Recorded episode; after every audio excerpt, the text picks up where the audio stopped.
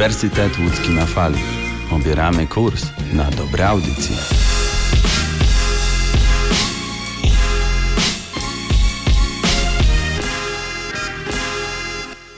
Nadszedł już czwartek, a to oznacza, że mam kolejną okazję i zaszczyt mówić do Was o sprawach dotyczących Azji. Zaczynamy kolejny podcast o nazwie Cel Azja, który jest częścią audycji Uniwersytet Łódzki na Fali. Mówi do Was Piotr Kwiatkowski i będę mówił w dzisiejszym podcaście o kwestii Indii oraz organizacji ASEAN. Dzisiaj tylko dwa tematy, ale postaram się je trochę bardziej rozszerzyć. Wszystko będzie przemieszane muzyką latino, czyli muzyką, której jeszcze Wam nie prezentowałem. Może akurat jesteście fanami tego typu dźwięków. Zaraz do Was wracam.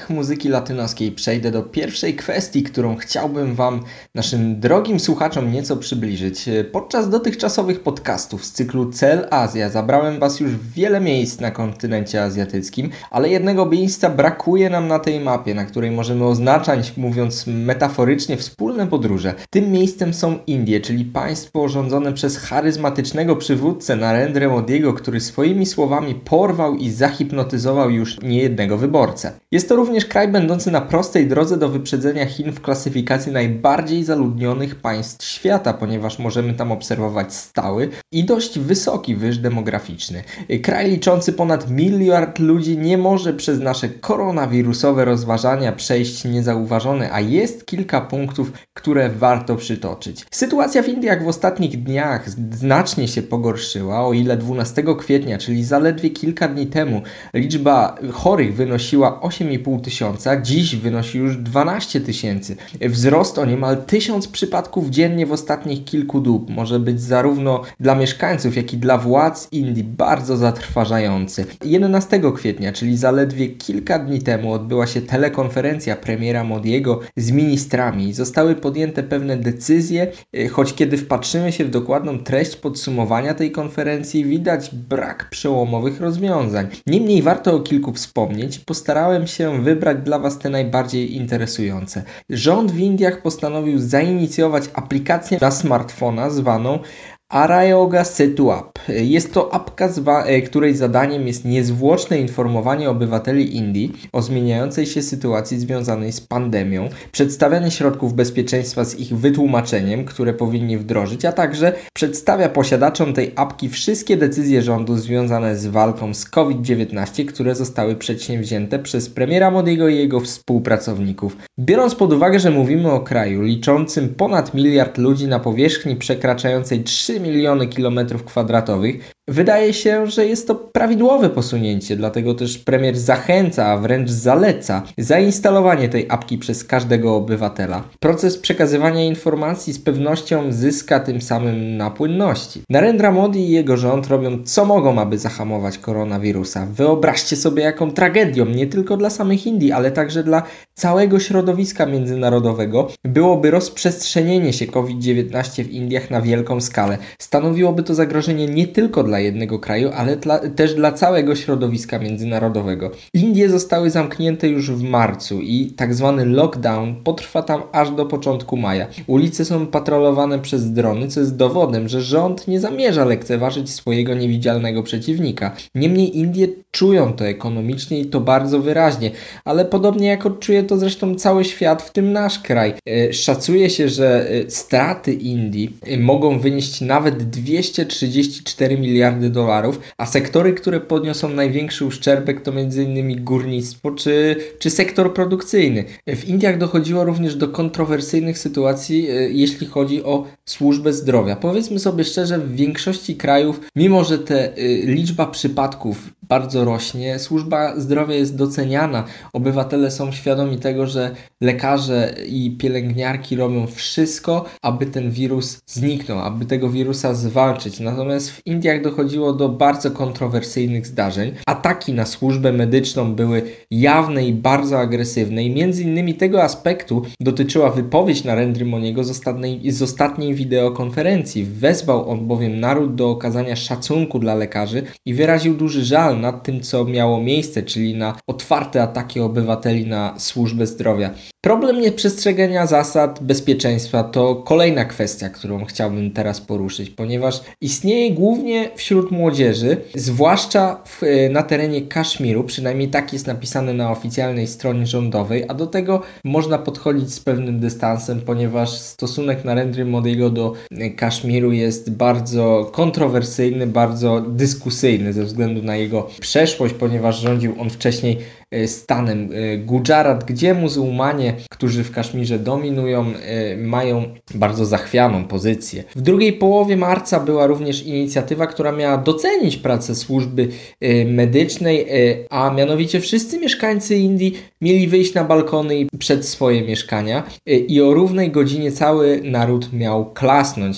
Niestety niektórzy opacznie zrozumieli tą ideę i doszło do licznych zgromadzeń i niebezpiecznych sytuacji. Warto obserwować co teraz dzieje się w Indiach. Mamy bowiem do czynienia z państwem o bardzo dużym potencjale ekonomicznym ze względu na czynniki o charakterze demograficznym. Jestem bardzo ciekaw, jak to się w Indiach potoczy. A tymczasem zostajemy w klimacie latino.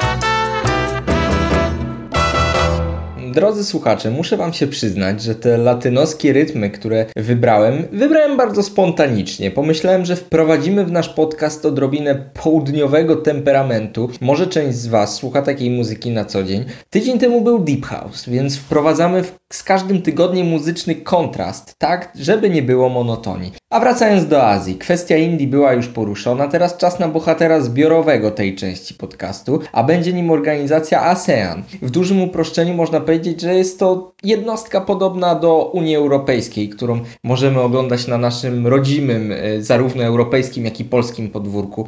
A tłumaczenie tej nazwy, tej nazwy ASEAN to Stowarzyszenie Narodów Azji Południowo-Wschodniej. Organizacja ta powstała w roku 1967, więc staż ma dość długi, a w tym roku państwem przewodniczącym jest Wietnam. I w tym punkcie nawiążę krótko do Japonii, która z Wietnamem utrzymuje ostatnimi czasy bardzo zażyłe stosunki. Japonia ma to do siebie, że potrafi lawirować pomiędzy graczami politycznymi, tam gdzie może odnieść korzyść, a przykładem takiej dwubiegunowości może być yy, przykład Stanów Zjednoczonych oraz Chin. Z jednej strony Japonia chce utrzymywać bliskie relacje z Chinami, chce je polepszać, bo oczywiście z historii wiemy, że relacje z Chinami nie były, mówiąc bardzo delikatnie, idealne, y, ale ze względu na współpracę związaną z koronawirusem polepszyły się. Polepszyły się ze względu na to, że zarówno Chiny wspierały Japonię, y, dostarczając im środków, na walkę z koronawirusem, jak i wcześniej Japonia wspierała Chiny, więc był to taki dobry prognostyk. Natomiast wszystko zaczęło się burzyć w momencie, kiedy rząd Japonii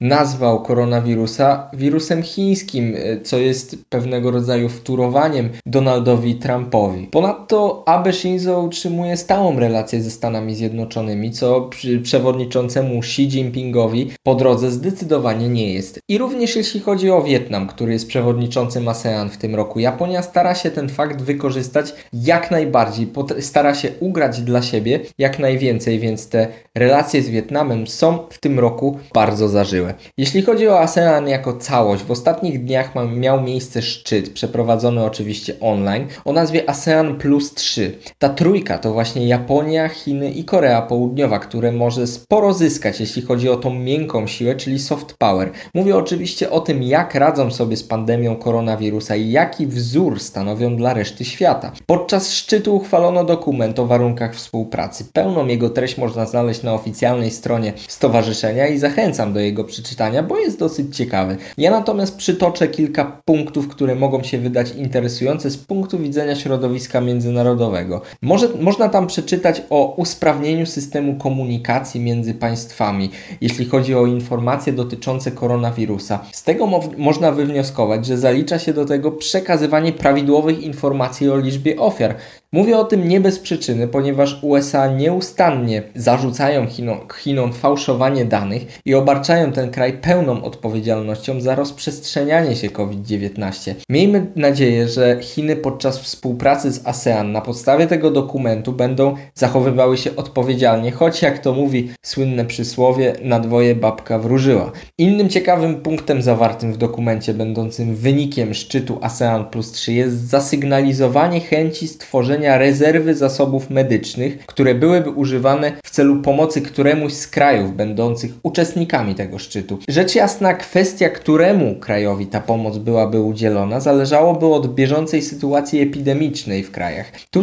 na należy się zastanowić, co dokładnie ma oznaczać fakt, że państwa wyraziły gotowość do stworzenia takiej rezerwy? Jeśli chodzi o fakty, nic w rzeczywistości się nie, nie wydarzyło. Kluczowym pytaniem jest, jakie muszą zaistnieć warunki, aby zapadła decyzja o stworzeniu takiej rezerwy. I tutaj musimy czekać, co pokaże przyszłość. Kolejnym punktem wartym uwagi jest współpraca na polu medycznym i kooperacja w kwestii wynalezienia szczepionki czy też leku, który miałby być skuteczny w leczeniu COVID-19. Natomiast gdy taki lek czy też szczepionka zostałyby wynalezione wspólnymi siłami, jak wyglądałby podział zysków z tego płynących? Ta kwestia rodzi więc również masę pytań. Jednym z postanowień jest też działanie na rzecz wolnego handlu i utrzymywania gospodarek azjatyckich w dobrym stanie i ten punkt chyba nie wymaga większego tłumaczenia. W obecnej sytuacji każdemu krajowi zależy na minimalizacji strat i myślę, że są w stanie daleko posunąć się, aby zaradzić kryzysowi gospodarczemu, który notabene dzieje się na naszych oczach. Jeśli zainteresowało Was ASEAN, czyli Stowarzyszenie Państw Azji Południowo-Wschodniej. Zachęcam do odwiedzenia oficjalnej strony internetowej tej organizacji, a teraz wracamy do klimatów latino.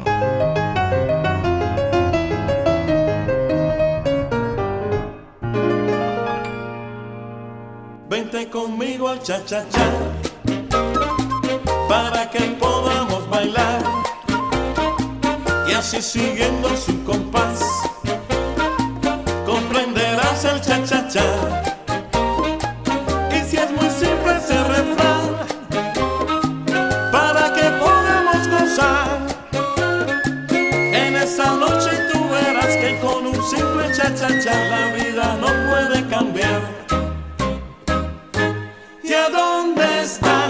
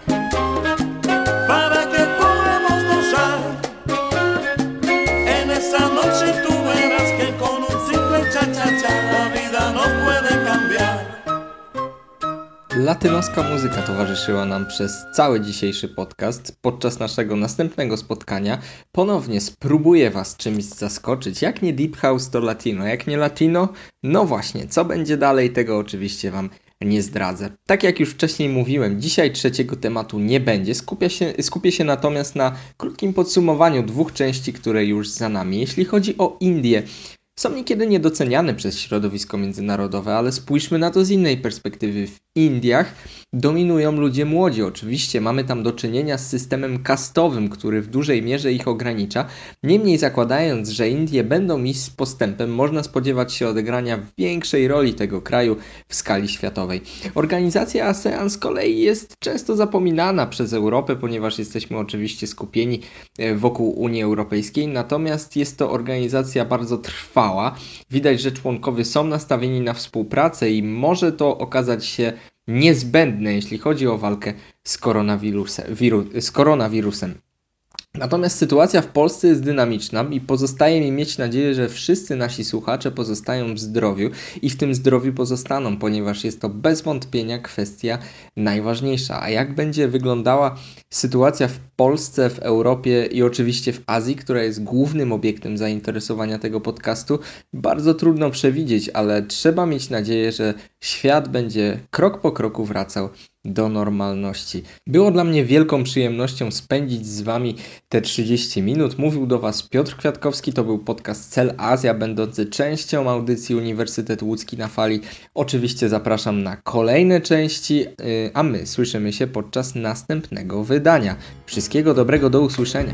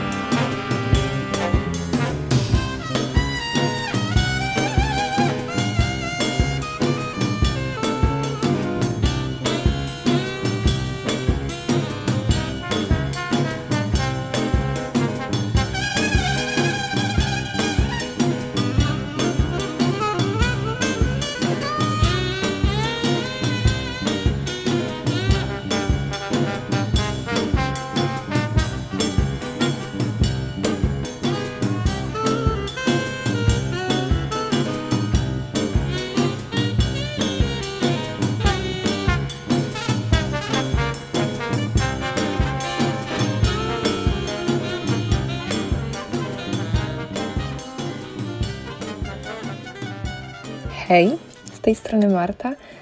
Jest 16 kwietnia i dzisiaj znów będziemy rozmawiać o serialach. Tylko trochę w inny sposób. Spoiler alert, bo dzisiaj porozmawiamy o tych serialach, które nas zawiodły, od których wymagaliśmy bardzo dużo, a no skończyło się jak skończyło. O takich, które są naszym guilty pleasure, czyli takim serialem, do którego byśmy się przed przyjaciółmi nigdy nie przyznali. No i o takich, no, które miały być takie piękne, a niestety zawiodły nas od pierwszego odcinka. Najpierw chwila muzyki, a później zabieramy się do linczu.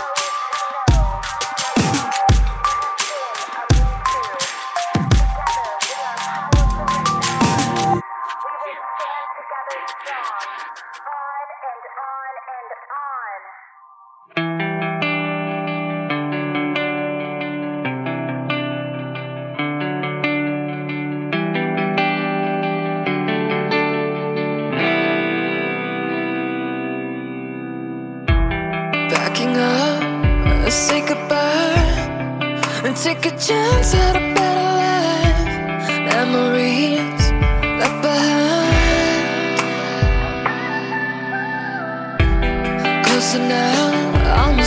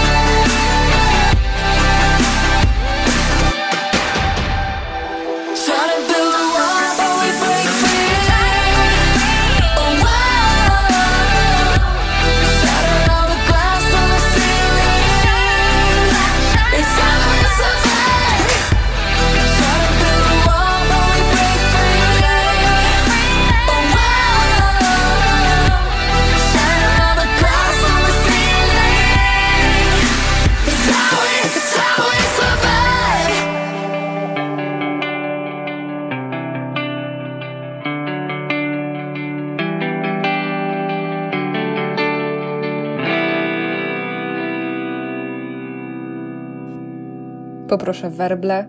Na początek Gra o Tron. Tak, oczywiście to był po prostu jeden e, z bardziej oczywistych wyborów, jeśli chodzi o seriale, które nas zawiodły. Bo trzeba przyznać, że Gra o Tron od początku trzymała fason i przez te sezony, gdzie George R. R. Martin sprawował nad nią pieczę, wszystko wydawało się być no, w jak najlepszym porządku. E, Jeśli ktoś nie oglądał, a wątpię, bo jednak jest to serial bardzo znany, to oczywiście jest to adaptacja sagi George'a R. R. Martina, o którym już wspominałam. W Królestwie Westeros walka o władzę, spiski oraz zbrodnie są na początku dziennym. No taki mamy opis do tego serialu. E, może nie będę się rozwodzić aż tak bardzo nad całą fabułą, bo mniej więcej mamy jej zarys, czyli chodzi po prostu właśnie o spiski, o, o wielkie bitwy, które miały być zrobione na miarę Władcy Pierścieni i bitwy o Helmowy Jar, a wyszło no niestety tak, że nic nie widać, a połowa aktorów robi sobie jakieś jaja po prostu. W każdym razie, wracając do, te, do tematu, czyli to, że gra o tron nas zawiodła. No bo tak, naprawdę z ręką na sercu mogę przyznać, że do szóstego sezonu to było świetne. Różniło się oczywiście od książek, ale każda adaptacja jest w jakimś stopniu inna. E, Sama gra o tron ma ocenę 8 od krytyków i tak jestem zaskoczona, chociaż no dobra, tylko siódmy i ósmy sezon, no okej, okay. kolokwialnie mówiąc, były do kitu po prostu. Muszę przyznać, że byłam niesamowicie zawiedziona, bo tak jak już wspominałam właśnie do szóstego sezonu, gdzie jeszcze właśnie George R. R. Martin um, dawał jakieś wskazówki reżyserom, czyli Davidowi Beniofi i Weissowi. Um, później to już się po prostu zrobiła jakaś farsa. Bo jak jeszcze to trzymało fason i te spiski miały jakiś sens, to wszystko było bardzo spójne do tego szóstego sezonu. Może były jakieś tam odskocznie i rzeczy, które nie do końca zostały wyjaśnione, ale to mimo wszystko uważam, że to się trzymało po prostu kupy. A już siódmy i ósmy sezon to już była taka totalna fantazja, żeby jak najszybciej zakończyć ten serial. Muszę przyznać, że naprawdę udało im się spaprać całą sprawę. Bo to, żeby nagle jakieś podróże, które powinny trwać miesiące, nawet czasami lata, trwały no jakieś, dajmy na to pół odcinka, e, gdzie jednak e, mamy jakieś tam wyobrażenie, e, jak została poprowadzona linia fabularna i w którym momencie mniej więcej się znajdujemy i jednak no po prostu nie spędzisz nie wiem, dwóch miesięcy czekania na kogoś na lodzie, a tak powinno być. No i po prostu Danieris, która przyleciała na smoku w 15 minut na miejsce, w, której, w którym jej potrzebowali, to jest, to jest chyba największa dla mnie zagadka właśnie. To był jeszcze tak, to był siódmy sezon. To była dla mnie jedna z największych zagadek. Jak to się stało, że to było takie szybkie? Mimo wszystko, i tak to jeszcze oglądam, ten siódmy sezon się jakoś tam kleił trochę. I tak byłam trochę zniesmaczona, bo muszę przyznać, że bardzo długo się czekało na ten siódmy sezon też. Na ósmy chyba dwa lata, na, na siódmy oczywiście rok. Um, ale po prostu jak już później skrecili takie wątki typu romanse między um, Johnem Snowem, który nic nie wie, i jego ciotką, to Panie Jezu, no nie, to już się nie dało, to już, to już było za dużo po prostu. Jeszcze rozumiem te wszystkie teorie, bo jednak teorie właśnie prowadziły nas wszystkich przez tą całą grę o tron. Te, e, te przepowiednie, które dostała Cersei, to by było w trzecim sezonie, to wszystko po prostu prowadziło nas do jakby jakiejś, no, jakiegoś konsensusu między nami, tą sagą George'a R. R. Martina i twórcami tego Bożal się już Boże serialu, bo po prostu myśląc o tym serialu, ja dla mnie siódmy i ósmy sezon po prostu nie istnieje. Zdecydowanie uważam, że większość naszego społeczeństwa potrafiłoby to zrobić w lepszy sposób i do tego po prostu obejrzałoby się to chętnie, miło, a nie tak jak większość z nas to obejrzała, czyli no po prostu wszyscy byliśmy niesamowicie zawiedzeni tym, co otrzymaliśmy. Niestety HBO Go nie podołało, tak samo jego serwery, które uważam powinny znowu zostać usprawnione, bo jednak Netflix jakie seriale ma, takie ma, ale serwery chociaż działają, bo ktokolwiek chciał obejrzeć Grę o Tron właśnie tam chyba o godzinie trzeciej to zawsze wy, wychodziło, no to się nie dało niestety. Trzeba było czekać 40, no, no powiedzmy od 30 do 45 do godziny, um, żeby w ogóle odpalić, od, odpalić ten odcinek najnowszy. Także no HBO, ja, ja bym chciała jakąś rekompensatę za tą grę o Tron. Chociaż nie, w sumie dostaliśmy Czarnobyl. Okej, okay, jesteśmy kwita, dzięki.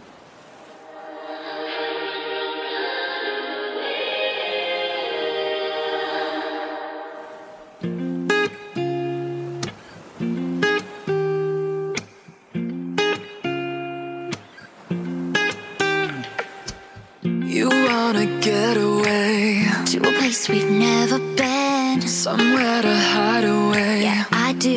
I do. We could travel to the sea,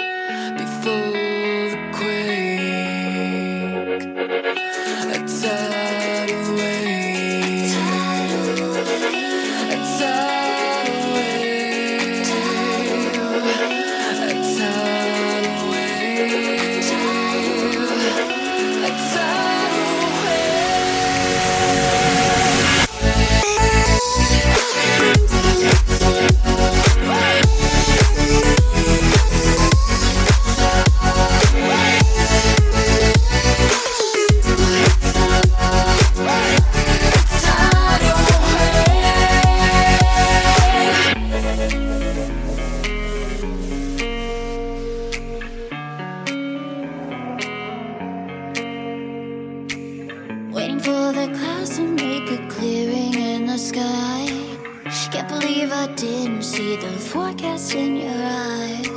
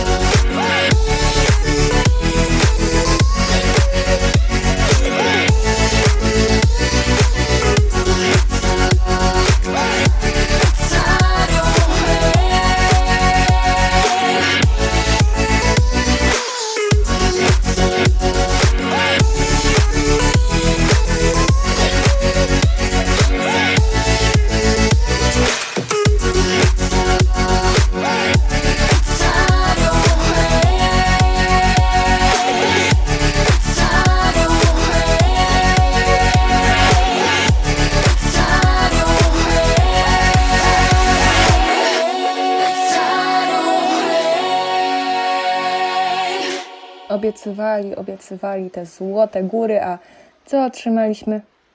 Riverdale. Kochani, przyznajmy się do tego, że każdy po pierwszym sezonie myślał, że to może być całkiem ciekawe. W tym samym roku, w którym wyszło Riverdale, straciliśmy pamiętniki wampirów, z którymi się myślę, że część z nas wychowywała nawet. I był taki niedosyt.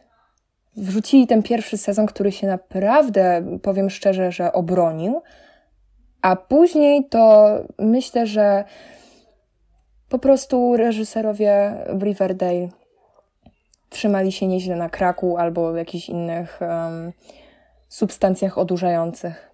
No, było ciężko, było ciężko przez to przebrnąć, bo jednak drugi, trzeci i czwarty sezon to już jest po prostu inna liga. Ja podziwiam wszystkich, którzy naprawdę bez jakiegoś grymasu, żenady na twarzy potrafią obejrzeć teraz chociaż jeden odcinek Riverdale. Drugi sezon, chyba wtedy właśnie się zaczął Black Hood, czyli ta czarna maska, która się okazała być ojcem Betty i, i jakimś seryjnym mordercą, który który wybija tam, nie wiem, połowę populacji tego małego miasteczka. Tam już chyba nikogo nie zostało, albo jakoś ich wskrzesili. Takie mam wrażenie przynajmniej. Trzeci sezon to jest, to są dalsze losy właśnie Black Hooda. Oczywiście Archie nadal bije się z ojcem Weroniki, która zresztą nadal nie wiem dlaczego robią jej brwi do połowy nosa, ale w porządku. I ten czwarty nieszczęsny sezon, który jest takim pożal się Boże kryminałem. Naprawdę próbowali z tego wycisnąć, co się tylko dało.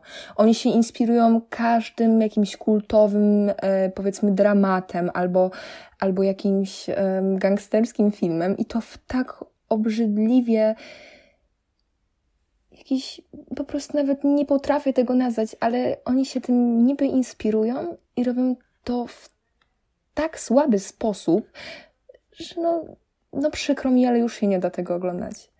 I to jest właśnie ten serial, który po prostu się ogląda, bo się ogląda, bo jest się ciekawym, co się stanie dalej. I to jest właśnie ten nasz guilty pleasure.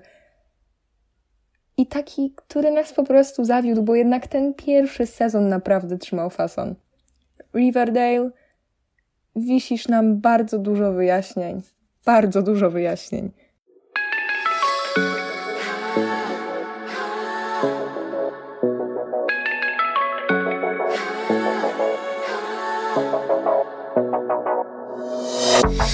Once upon a time, we asked our fortunes when all the tellers gave their readings. Inside their crystal ball, we saw the lies unfold. This ain't no fairy tale ending. And the truth is six feet under. Makes me kinda wonder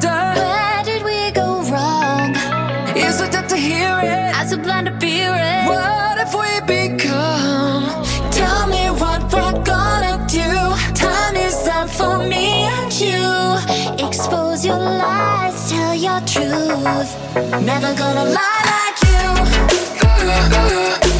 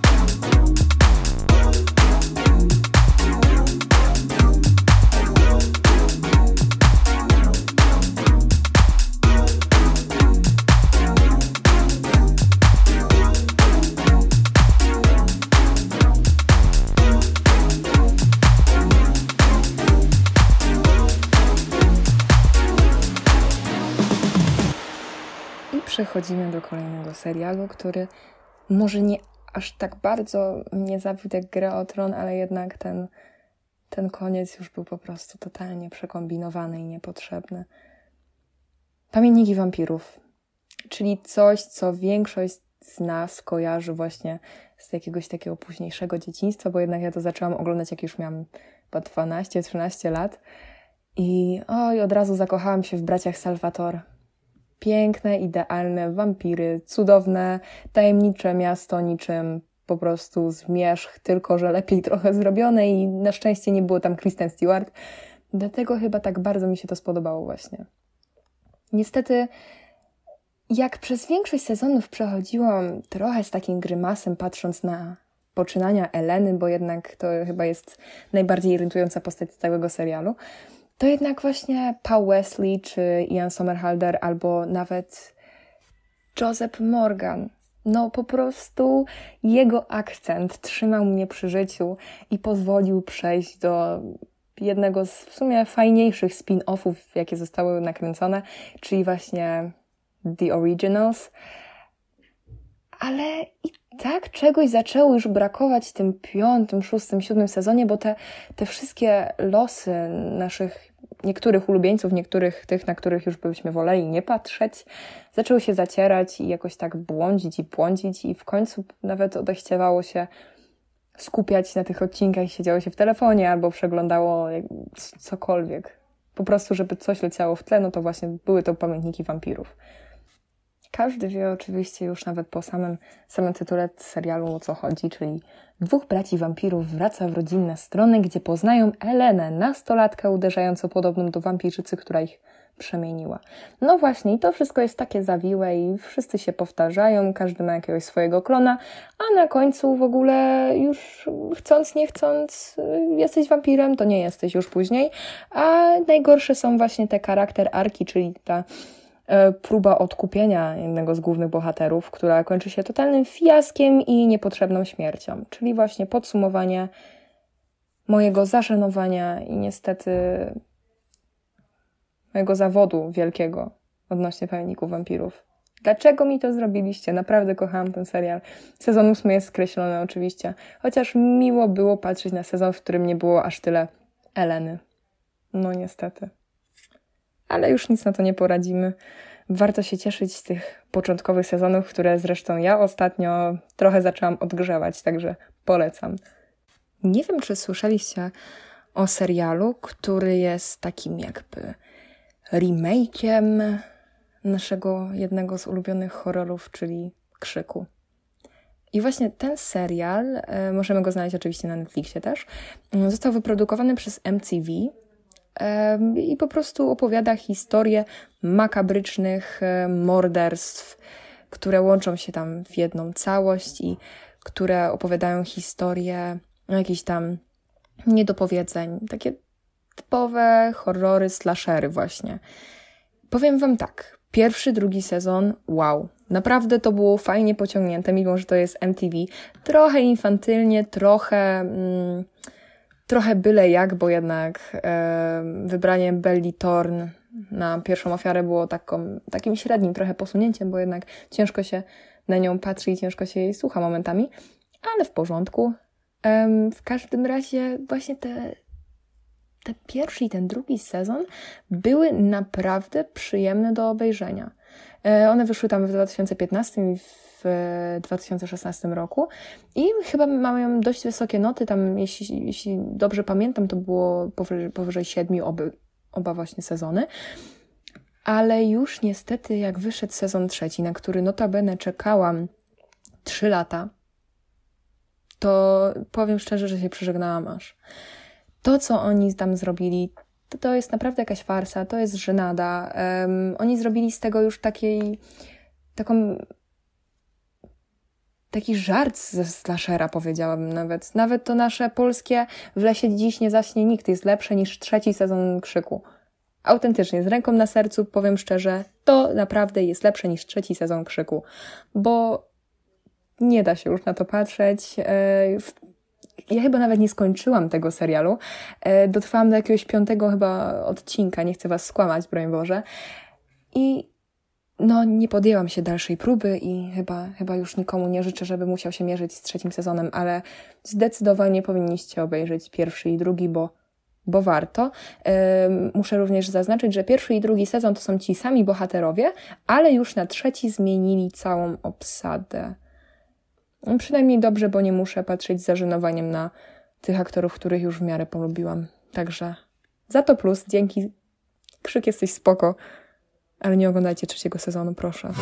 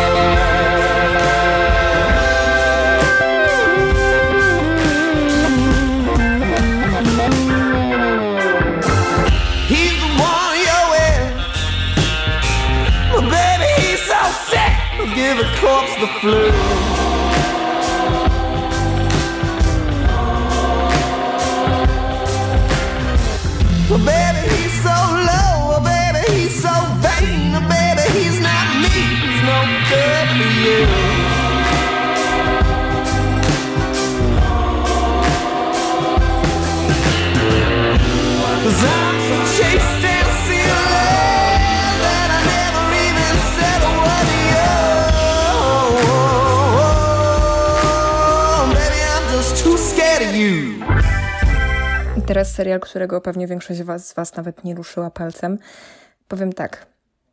Szkoła Zabójców, Deadly Class, która wyszła na HBO Go, dostała jedną nominację. Nie wiem, czy to były jakieś maliny, czy macie jakieś obrzydliwe e, tam nagrody. Mam nadzieję, że tak. E, W każdym razie, bezdomny nastolatek dostaje zaproszenie przystąpienia do elitarnej szkoły, w której uczą się potomkowie największych przestępczych rodzin. To naprawdę miało jakiś sens. To naprawdę mogło się dobrze sprzedać i to naprawdę mogło być ciekawe. Nawet główny bohater jest całkiem przystojny. I nawet niektórych z nich kojarzymy z jakichś netflixowskich um, Boże się Boże seriali, ale powiem tak, ja nie wiem dlaczego on ma powyżej 7 ocenę. Nie wiem dlaczego Filmweb to zrobiłeś, nie mam pojęcia. E, Na Rotten ma chyba trochę niższe noty. E, Nikomu nie polecam, e, po prostu nie chcę nigdy więcej mieć nic wspólnego z tym seri- serialem. Wyszedł jeden sezon. Mam nadzieję, że nie wyjdzie już e, drugi ani kolejny. Proszę, wstrzymajcie się. Proszę, HBO, przestańcie. Proszę, jakby ja rozumiem, że wy, wy po prostu zrobiliście takie ogromne pas, jeśli chodzi o grę o tron. To po prostu przestańcie wydawać takie seriale. Naprawdę, Szkoła Zabójców, you're cancelled. Dziękuję bardzo.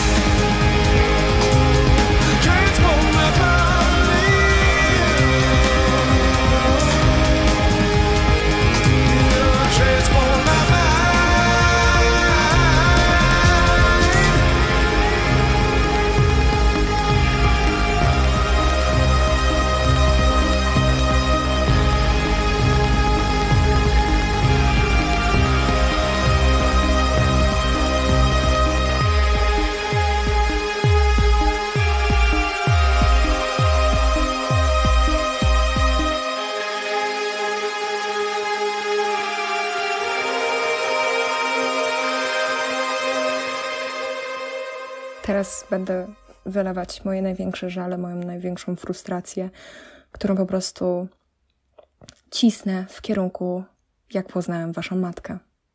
Jak można było, jak można było zakończyć tak brzydko, tak piękny serial?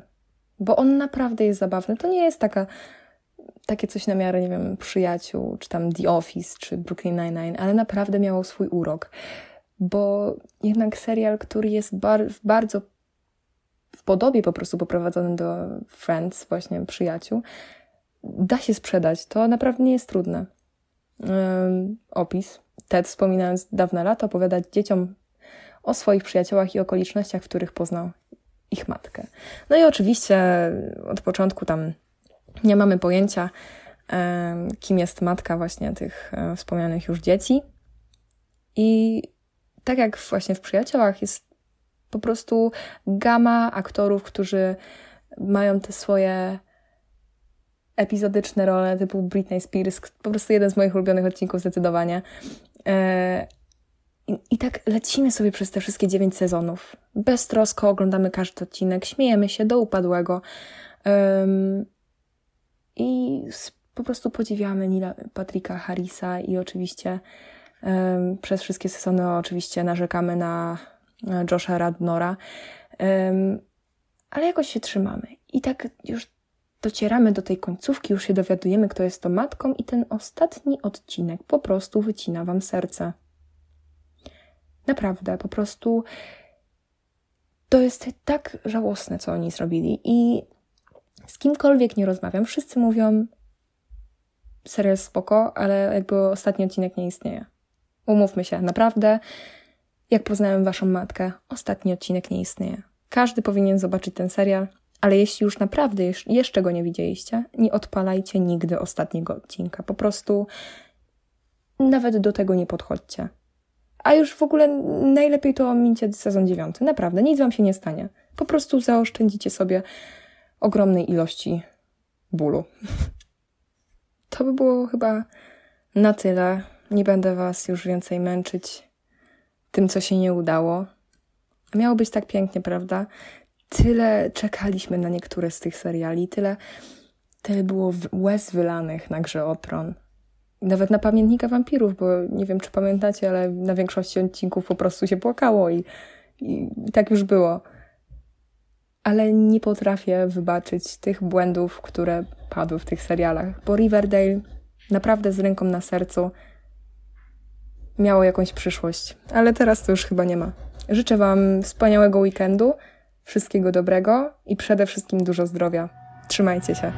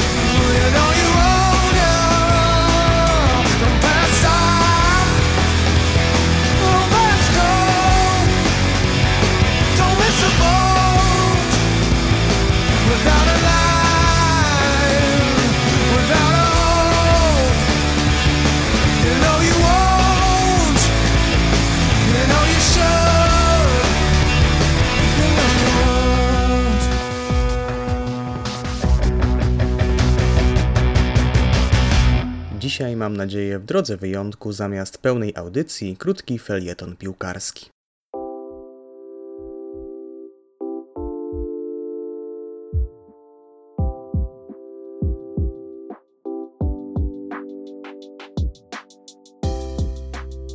Sport na świecie został zamrożony, lecz w takich wypadkach na ratunek rusza jego gamingowa odsłona. Planowane na marzec towarzyskie spotkania reprezentacji Polski w piłkę nożną nie mogły się odbyć, lecz znaleziono zamiennik. Biało-czerwoni spotkania rozegrali w FIFA. I o ile z Finlandią udało się wygrać, to niestety Ukraina okazała się ostatnio zbyt trudnym rywalem. Ciekawe, czy reprezentujący w drugim meczu Polskę Maciej Rybus i Mateusz Klich dostali już jakieś uwagi od trenera Brzęczka. Kanał sportowy z każdym filmem poszerza swoje zasięgi. W jednym z ostatnich hate parków gościem był bramkarz Huddersfield, o ile jeszcze go z niego nie wyrzucili, Kamil Grabara. Chociaż Polak bardziej kojarzony może być z twitterowych zaczepek. Krótko podsumuję. Siódmy bramkarz Liverpoolu uważa, że wygrałby bójkę z legendą niemieckiego Schalke. Michał Karpownik jest na fali wznoszącej. Mówi się, że młodzieżowiec wkrótce zmieni otoczenie i przeniesie się do mocniejszego klubu. Gdzie? Podobno do zespołu z top 4 Ligi Hiszpańskiej. Tylko jak interpretować, kto do tego topu należy? O ile do Realu, Barcelony i Atletico raczej nie ma wątpliwości, to kto jest tym czwartym? Myślę, że piłkarze Arsenalu mogliby coś wiedzieć na ten temat. Do wglądu publicznego oddany został już ostatni odcinek Niekochanych. Poznaliśmy szatnie biało-czerwonych za kadencji Jerzego Brzęczka od podszewki. Moim zdaniem najciekawszą postacią trzeciej, niedawno opublikowanej części jest ten, który cały czas żyje tą kadrą i stara się udzielać kolegom dobrych rad. Prościej mówiąc, Łukasz Piszczek! a tymczasem ja odsyłam Was do Pawła Agurkiewicza i Jana Piekutowskiego.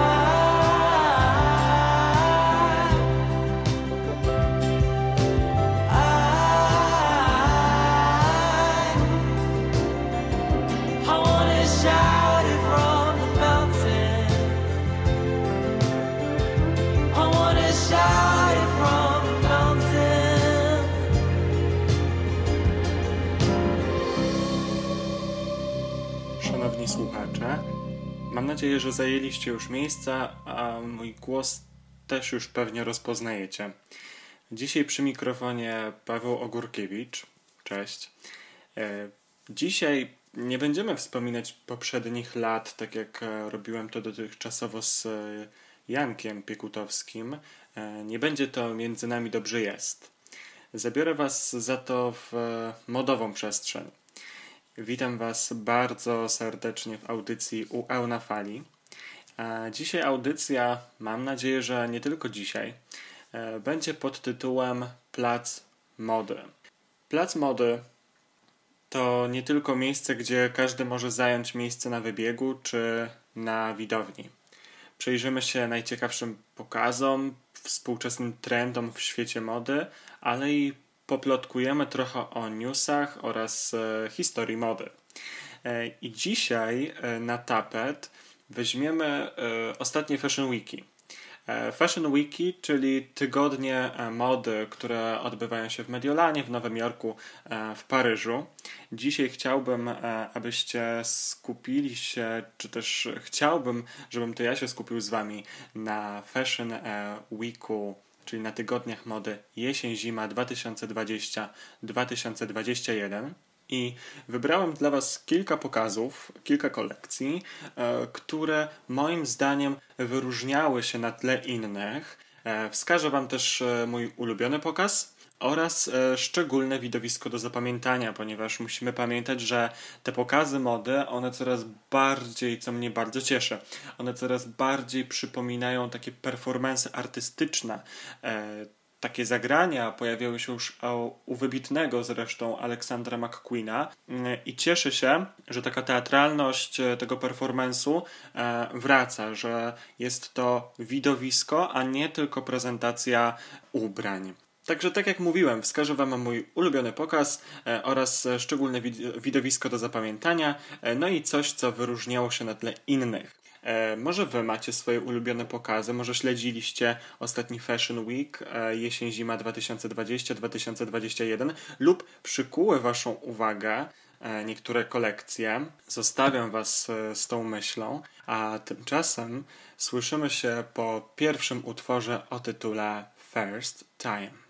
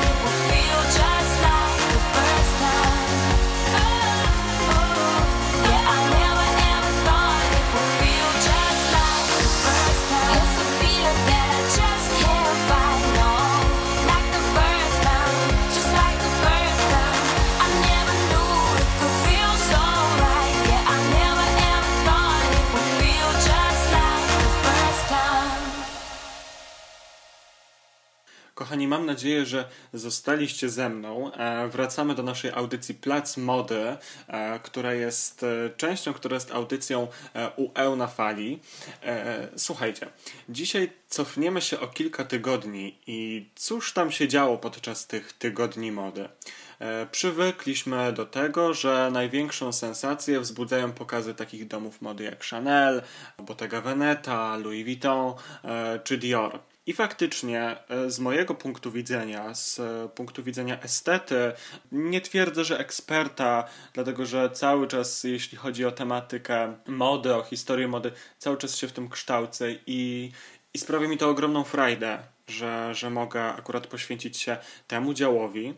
Ale co ważne, pokazy właśnie wspomnianych przeze mnie domów mody i jeszcze kilku innych, takich jak e, Hermes, e, właśnie Chanel, Bottega Veneta, Dior, te pokazy faktycznie zasługują na uwagę.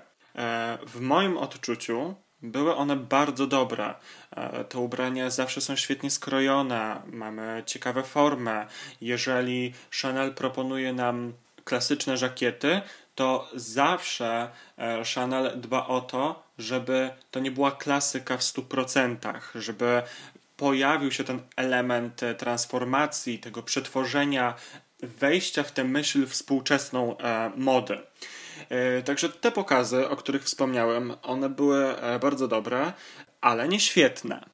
Jeżeli chodzi o świetne pokazy, to mam zdecydowanie tutaj swoich e, faworytów i dla osób, które e, znają mnie prywatnie, te osoby mogą mi zarzucić brak obiektywizmu, ponieważ e, takie domy jak Gucci, Yves Saint Laurent czy Balenciaga zawsze gdzieś, one są po prostu bardzo bliskie mojej stylistyce. Dla Was przyjrzałem się powtórnie wszystkim pokazom, wszystkim tym głównym pokazom, o których e, mówiło się najwięcej, tak żeby faktycznie wybrać dla Was pokazy, które się wyróżniały, e, które trafiły do mojego serducha, ale też takie, które warto zapamiętać. I moim zdaniem takim wyróżniającym się pokazem był pokaz Gucci pod batutą e, Alessandra Michelego. E, Gucci od kilku sezonów e, robi przepiękną pracę formą i przepiękną pracę kolorem. Te pokazy nie tylko mają w sobie intencje, to nie jest już tylko filozofia ubrania, ale też filozofia kulturowa. One niosą przesłanie, one są wielowymiarowe, trafiają w e, światopogląd, trafiają w dyskusję, w ten dyskurs e, niekiedy polityczny, niekiedy społeczny. Bardzo, ale to bardzo podoba mi się taki zamysł. Na ostatnim Fashion Weeku, e, jesień-zima 2020-2021, e, Gucci zaprezentował pokaz e, w nieco zmienionej formie, ponieważ widzowie nie widzieli u modelek czy też modeli, którzy e, przechodzą się wybiegiem i te ubrania są bardzo momentami nieuchwytne, tylko tutaj e, Michele zadbał o to, aby pokaz miał formę rotundy. Rotundy, która przesuwała się zgodnie z ruchem wskazówek zegara i co ciekawe, ta rotunda e, była zbudowana na bazie prześwitów. E, Mieliśmy publiczność, która wszystko widziała wokół tej rotundy, a w środku tej rotundy został ukazany cały backstage tego, jak na co dzień wygląda przygotowanie pokazu. E, Czyli po raz pierwszy miał okazję zobaczyć, jak wygląda proces twórczy. Ten motyw e, przedstawienia procesu twórczego u e, Gucci'ego e, pojawia się już e, któryś raz. To nie jest e, debiut takiego motywu, natomiast po raz pierwszy w takiej formie. Ponieważ ta rotunda naprawdę przykuwała uwagę i to był pokaz wyróżniający się e, nie tylko formą, ale przede wszystkim e, kolorami. Jakby dla mnie zawsze Aleksandre, e, Alessandro e, e, to będzie człowiek, który jest przede wszystkim nie tylko estetą, nie tylko świetnym krawcem, projektantem, ale to jest przede wszystkim człowiek, który ma niezwykle szerokie pole widzenia koloru. On potrafi łączyć barwy, których na co dzień nie połączylibyśmy, dlatego on nieustannie mnie inspiruje. Ale wracając do samej formy tego pokazu, e, warto też wspomnieć o tym, że widzowie widzieli ten pokaz e, patrząc na obracającą się rotundę. Modelki, mo, e, modelki wyszły dopiero na koniec, ale właśnie szczególnym motywem tego pokazu było ukazanie pracy wszystkich ludzi, e, którzy na co dzień pracują przy pokazach mody, czyli ludzi, którzy dbają o ostatnie poprawki, reżyserów pokazów, make-upistów. Naprawdę bardzo się cieszę, że Michele zwrócił uwagę na tak ważny aspekt. Tak ważny aspekt, jakim jest praca tych ludzi. Ponieważ bardzo często mówi się o kolekcji, bardzo często mówi się o tym, co zostało pokazane, o trendach, ale mało ludzi wie, jaki sztab osób jest potrzebny na backstage'u, aby ten pokaz miał, kolokwialnie mówiąc, ręce i nogi. Także kochani, Gucci pod e, batutą. e, Tutaj słowo batuta jest e, o tyle wskazane. Normalnie prawdopodobnie nie pokusiłbym się o jego zastosowanie, ale tutaj e, to słowo mi pasuje, ponieważ muzyka była też istotna. E, Pokaz e, wybrzmiewał do muzyki e, klasycznej. Była to muzyka e, bolero, także znany, znany utwór klasyczny skomponowany przez e, Maurice'a Ravela, znany też z tego, że wielokrotnie pojawia się na Igrzyskach Olimpijskich w kategorii jazdy figurowej, ponieważ jest to naprawdę podniosły, patetyczny utwór, który nie odejmował, nie ujmował domu Gucci, a jednocześnie dodawał właśnie mu tego charakteru, e, takiej wzniosłości tych lat 70., 80. i tego sznytu współczesności. Był to dla mnie naprawdę bardzo dobry pokaz. Cóż, e, kochani, troszeczkę się rozgadałem na temat e, Mikalego i jego ostatniej e, kolekcji, ale tak jak mówię, ja z tych ciuchów, które zostały tam pokazane, nosiłbym wszystko. I mam nadzieję, że może kiedyś, może kiedyś e, się tak zdarzy, że faktycznie będzie mi e, dane założyć coś od Alessandro Michelego. To są moje marzenia. Ale mimo, że była to kolekcja jesień-zima, to ja bym i tak założył te ubrania i na wiosnę, i na lato, i na jesień, i na zimę. I może właśnie szczególnie na wiosnę, dlatego teraz zostawiam Was z utworem pod tytułem April.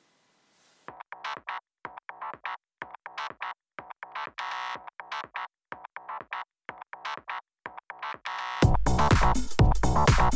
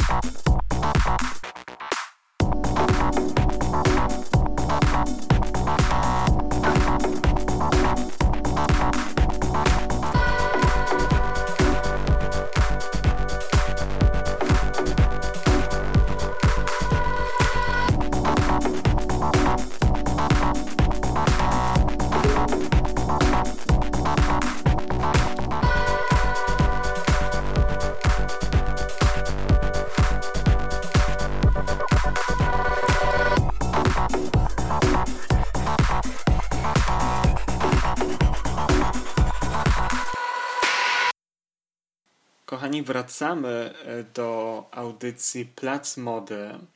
E, Przyjrzeliśmy się już jednemu pokazowi. Mm, Jednemu pokazowi, e, który zdobył w moich oczach. No, on po prostu rozpromienił moje serducho. Był dla mnie szczególny. Bardzo mi się podobał i, i na pewno będę o nim pamiętać. Nie wspomniałem tylko, jakich Alessandro Michel e, użył kolorów, ale do tego odsyłam już Was samych. E, Naprawdę inspirująca synteza barw. Także jeżeli kiedykolwiek mielibyście ochotę na e, szaleństwo kolorystyczne, ale dopiero zaczynalibyście z tym przygodę i nie do końca wiedzieli, jak ugryźć ten temat, to odsyłam Was właśnie do twórczości Michelego, który tworzy od kilku lat dla domu Gucci. E, Druga kategoria, jaką pozwoliłem sobie wyróżnić, to mój ulubiony pokaz. I tutaj troszeczkę się wahałem, nad, jakby, nad którym pokazem się skupić, bo faktycznie ten Fashion Week, ten sezon, e, był, ta zapowiedź sezonu jesień-zima była bardzo e, dobra. Natomiast moim ulubionym pokazem został pokaz Yves Saint Laurent. To jest pokaz, który wybrałem dlatego nie tylko ze względu na, jak zwykle, doskonałą oprawę e, światła, znowu muzyka była tutaj bardzo dobra, modelki poruszały się znowu po nie takim standardowym, nie takim klasycznym wybiegu, rzucony na modelki bardzo takie mocne, punktowe światła, które wyróżniały nam niektóre sylwetki, pozwalały przyjrzeć się tym detalom, które, e, o które e, zadbał. I ten pokaz jest moim ulubionym, ponieważ on znowu Yves Saint Laurent zawsze proklamował kobietę silną, kobietę niezależną, ale właśnie ten pokaz e, łączy taką kobietę bardzo silną, bardzo rozerotyzowaną, e, taką na pograniczu naprawdę erotyzmu przez duże E, ponieważ pojawia się mm, lateks, e, pojawia się skóra, e, pojawiają się futra e, w różnych kolorach. To wszystko jest prowokacyjne, to wszystko jest soczyste, to wszystko kojarzy mi się z e, bardzo dobrymi latami 70., 80. E, Pamiętajmy, że jedno e, z najpopularniejszych, co stworzył Yves Saint Laurent, e, kiedy jeszcze żył ten e, wybitny projektant, to właśnie było takie zielone futro z kolekcji Quaron, e, które w tym momencie, jeśli się nie mylę, przynajmniej tak było w e, biografii e, Yves Saint Laurent, Niegrzeczny chłopiec, stworzonej przez Marie Dominique Leliville, to to futro znajduje się w tym momencie u żony Mika Jaggera. I właśnie znowu Antoni Vaccarello dba o to, aby połączyć swoje widzenie z widzeniem legendarnego Ivesa. Także kolorowe futra, skóra, lateks. Ten pokaz miał po prostu moc. Znowu nie trzeba było wiele środków, aby ukazać siłę tych ubrań i siłę tych kobiet, które e, szły po wybiegu. Także bardzo serdecznie Was odsyłam do tego e, pokazu. Yves Saint Laurent, Antoni Vaccarello, jesień, zima. Kolory, jakie się tam pojawiły, e, były zdecydowanie ciemniejsze, ale to też dużej mierze e, światło sprawiało, że nasze oko ludzkie mogło je tak e, postrzegać. Na pewno były bardziej takie wybijające się, one były takie naprawdę soczyste, takie nasycone. E, Były połączenia e, fioletu, żółci, futra pojawiały się w kolorach czerwieni, przepiękne futro w kolorze takiej butelkowej zieleni, indygo, czy różnych odcieni niebieskiego. Oczywiście znowu skórzane płaszcze. Jeżeli mogę Wam coś polecić, to szukajcie, szukajcie powoli skórzanych płaszczy, ponieważ obserwując e, kilka kolekcji i takie trendy, które ustanawiają e, dyrektorzy kreatywni mm, domów mody, zauważyłem, że skórzane płaszcze będą modne na jesień, zimę, e, najbliższą jesień, zimę. Także jeżeli jeszcze nie macie, a może nawet nie wiecie, że macie, bo być może jakieś skórzane płaszcze chowają się u was e, na strychach, po e, wuju, dziadku, tacie, czy też mamie, babci. Naprawdę zajrzyjcie, poszukajcie, bo warto. Poprawną tezą jest, że moda wraca. Moda odwraca się w kierunku tych lat, które już przeminęły. One cały czas e, wracają do nas lata 70., 80., 90. Cieszę się, że nie jest to duplikacja tego, co nasi e, rodzice mogli nosić, tylko jest to pewna synteza myśli współczesnej i tego, co faktycznie możemy znaleźć w szafach e, naszych e, rodziców, e, starszych koleżanek, kolegów. Także, kochani, zaglądajcie, szukajcie, bo być może nie ma sensu wydawać pieniędzy i napędzać tego całego aparatu konsumpcyjnego, bo właśnie być może bardzo podobne ubrania, które zainspirowały Alessandro Michelego czy Antoniego Vaccarello, znajdziecie u siebie w szafie. Także serdecznie Was e, do tego zachęcam. Jeszcze raz przypomnę, mój ulubiony pokaz to Yves Saint Laurent i jeżeli mielibyście ochotę go zobaczyć, to oczywiście bardzo Was do tego zachęcam.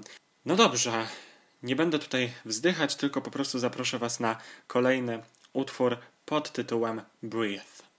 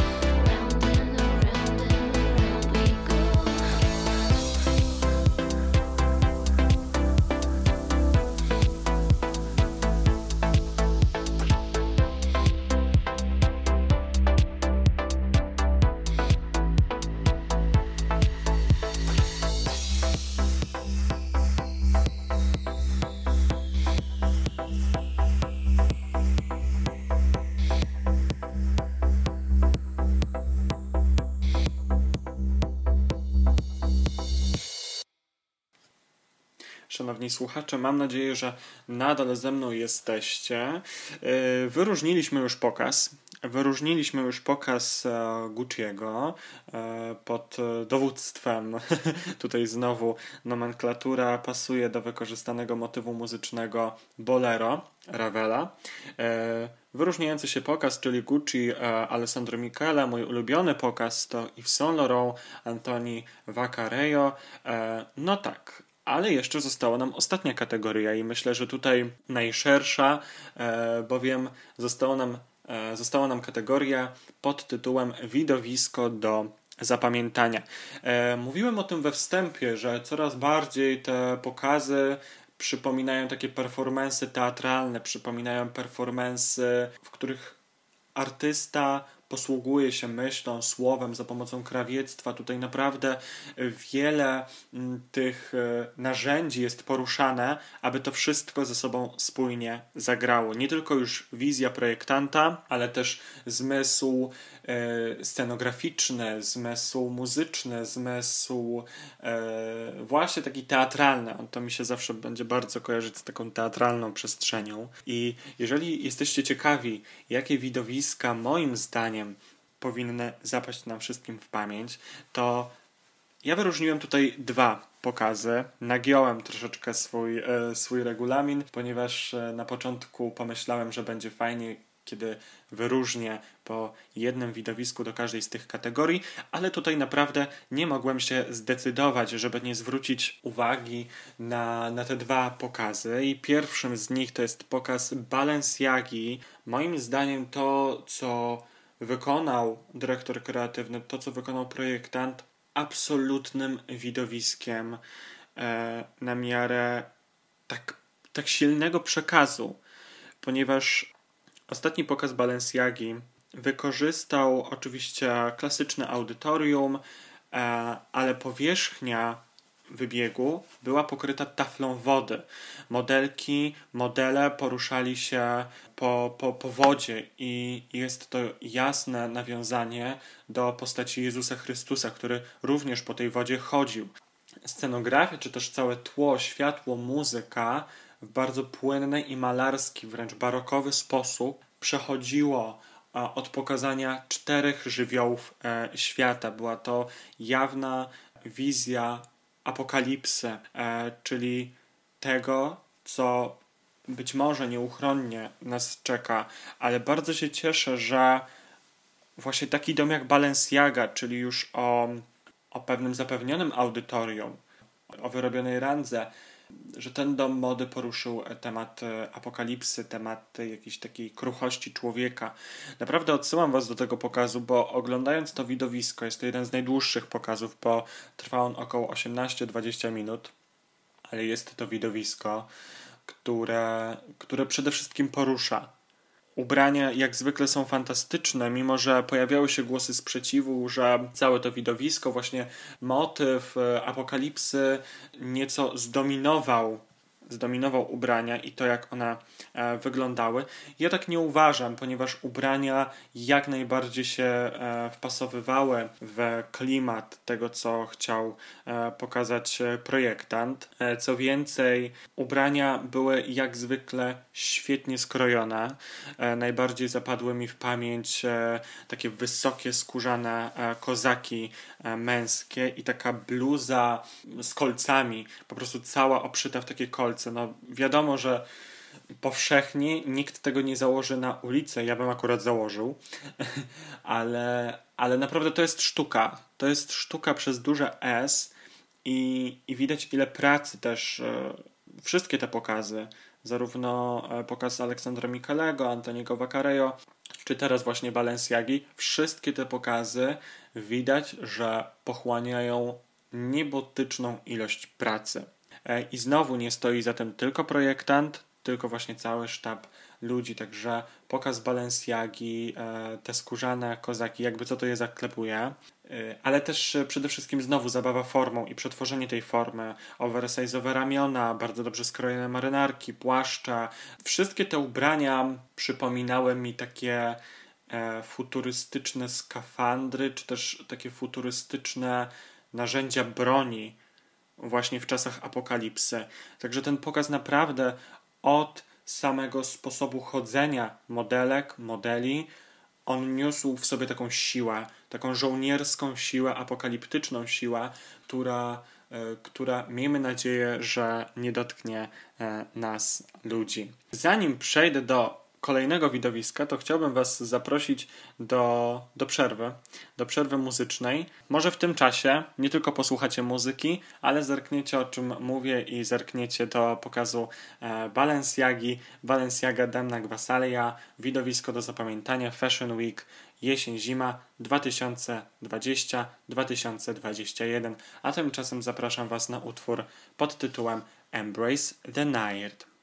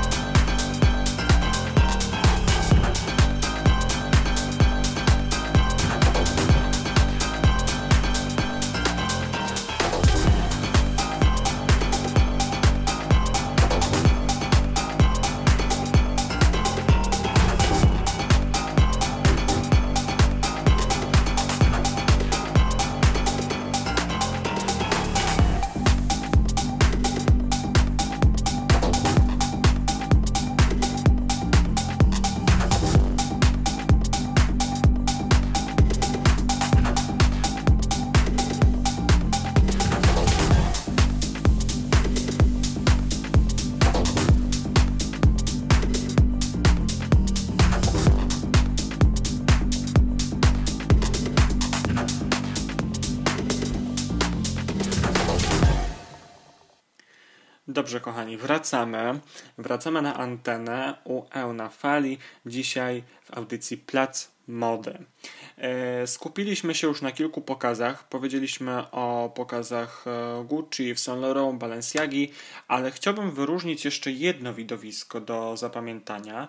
E, Przez swoją bajkowość, przez mm, wyeskalowany poziom teatralności, przez fantazję przede wszystkim, jaką ten pokaz sobie niósł, bo moim zdaniem było to e, fantastyczne widowisko. Widać było, że zarówno projektant w trakcie tworzenia kolekcji, jak i modelki, które prezentowały e, ubrania już na wybiegu, fantastycznie się tym bawiły i faktycznie taki przewrót czy też ukłon w stronę znowu historii, ale przetworzonej. A mowa o Moschino e, pod kierownictwem Jeremiego Scotta. Warto przypomnieć, że Jeremy Scott e, stworzył kilka lat temu dla Adidasa takie przepiękne buty, które cały czas mi się marzą z takimi e, skrzydłami, jak u mitologicznego boga Hermesa. Także Jeremy zawsze gdzieś e, też przykuwał moją uwagę właśnie taką swoją fantazyjnością, barwnością. To jest człowiek, który łamie wszelkie konwenanse, bawi się kolorem, bawi się formą. To wszystko jest prowokacyjne, kontrowersyjne,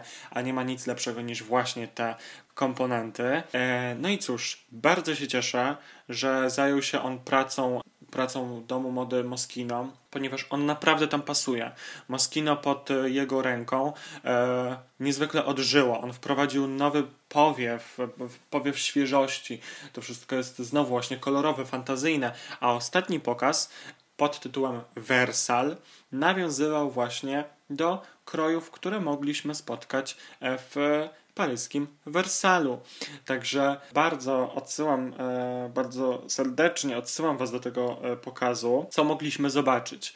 Mogliśmy zobaczyć rozkloszowane spódnice, mogliśmy zobaczyć suknie tworzone niczym na stelażach, ale znowu w bardzo cukierkowej formie, w takiej, której nie powstydziłaby się Maria Antonina, e, takiej, która jednocześnie przedstawiała ten klasyczny sznyt paryskiego Wersalu, ale jednocześnie była w, w tym nuta małego erotyzmu. To wszystko było podsiane jakąś taką intrygą, pokusą, coś bardzo słodkiego, a jednocześnie coś zwodniczego. E, królowały silne pastele, takie jak e, róż, e, ecri. Także tutaj akurat gama kolorystyczna e, pokonała chyba e, wszystkich. Tak jak powiedziałem, to wszystko było cukierkowe. Modelki były też przedstawione jak takie wychodzące landryneczki, cukiereczki e, na wybiegu. Także ten pokaz e, na pewno należy do tych, które warto zapamiętać. Chociażby przez to, by przez pryzmat tego, w jaki sposób Jeremy Scott wykorzystał motyw Wersalu, w jaki sposób go pokazał, ale przede wszystkim w jaki sposób bawił się tym motywem, bo e, to jest e, najważniejsze.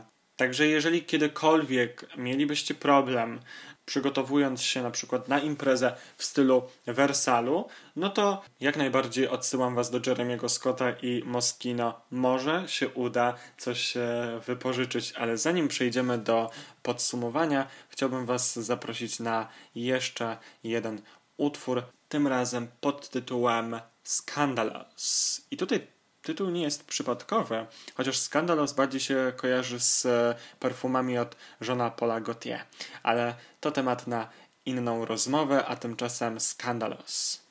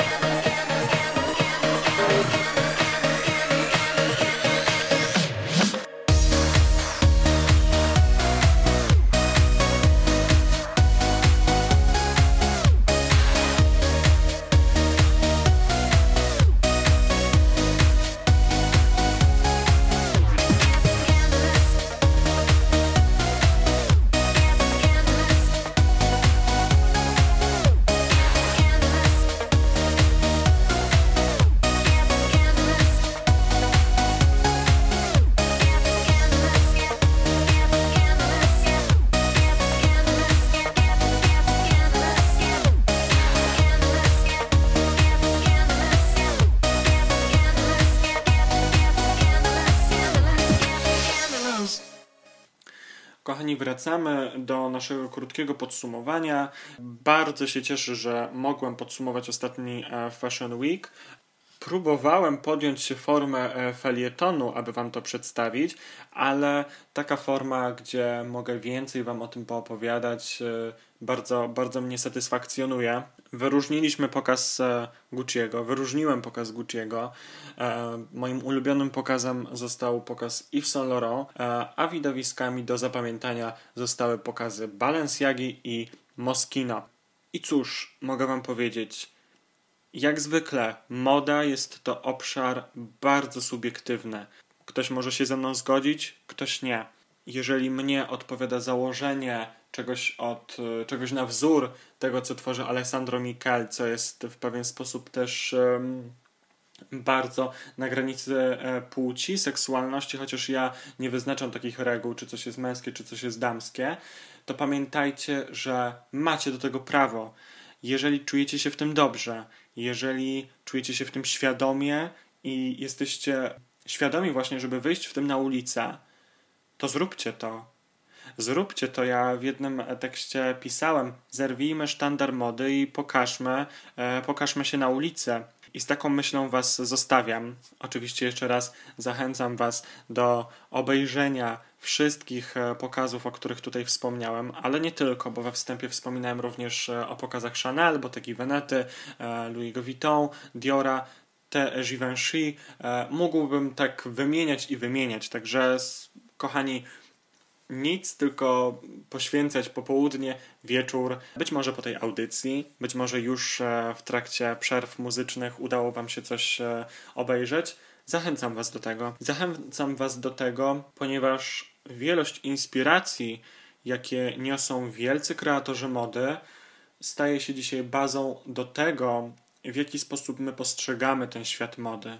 I bardzo się cieszę, że ten świat mody on przekracza kolejne granice i łamie, czy też wychodzi z kontrtezą, że w modzie wszystko e, już było. Otóż, moi drodzy, w modzie wszystkiego jeszcze nie było, ponieważ moda zaskakuje nas z roku na rok. Nawet jeżeli wraca do korzeni, to są to korzenie przetworzone, z których wyrastają piękne kwiaty świata mody. I z tą myślą Was e, zostawiam. A na sam koniec przygotowałem dla Was utwór, który nie mógł pojawić się w żadnej innej audycji, ponieważ nosi on tytuł Style.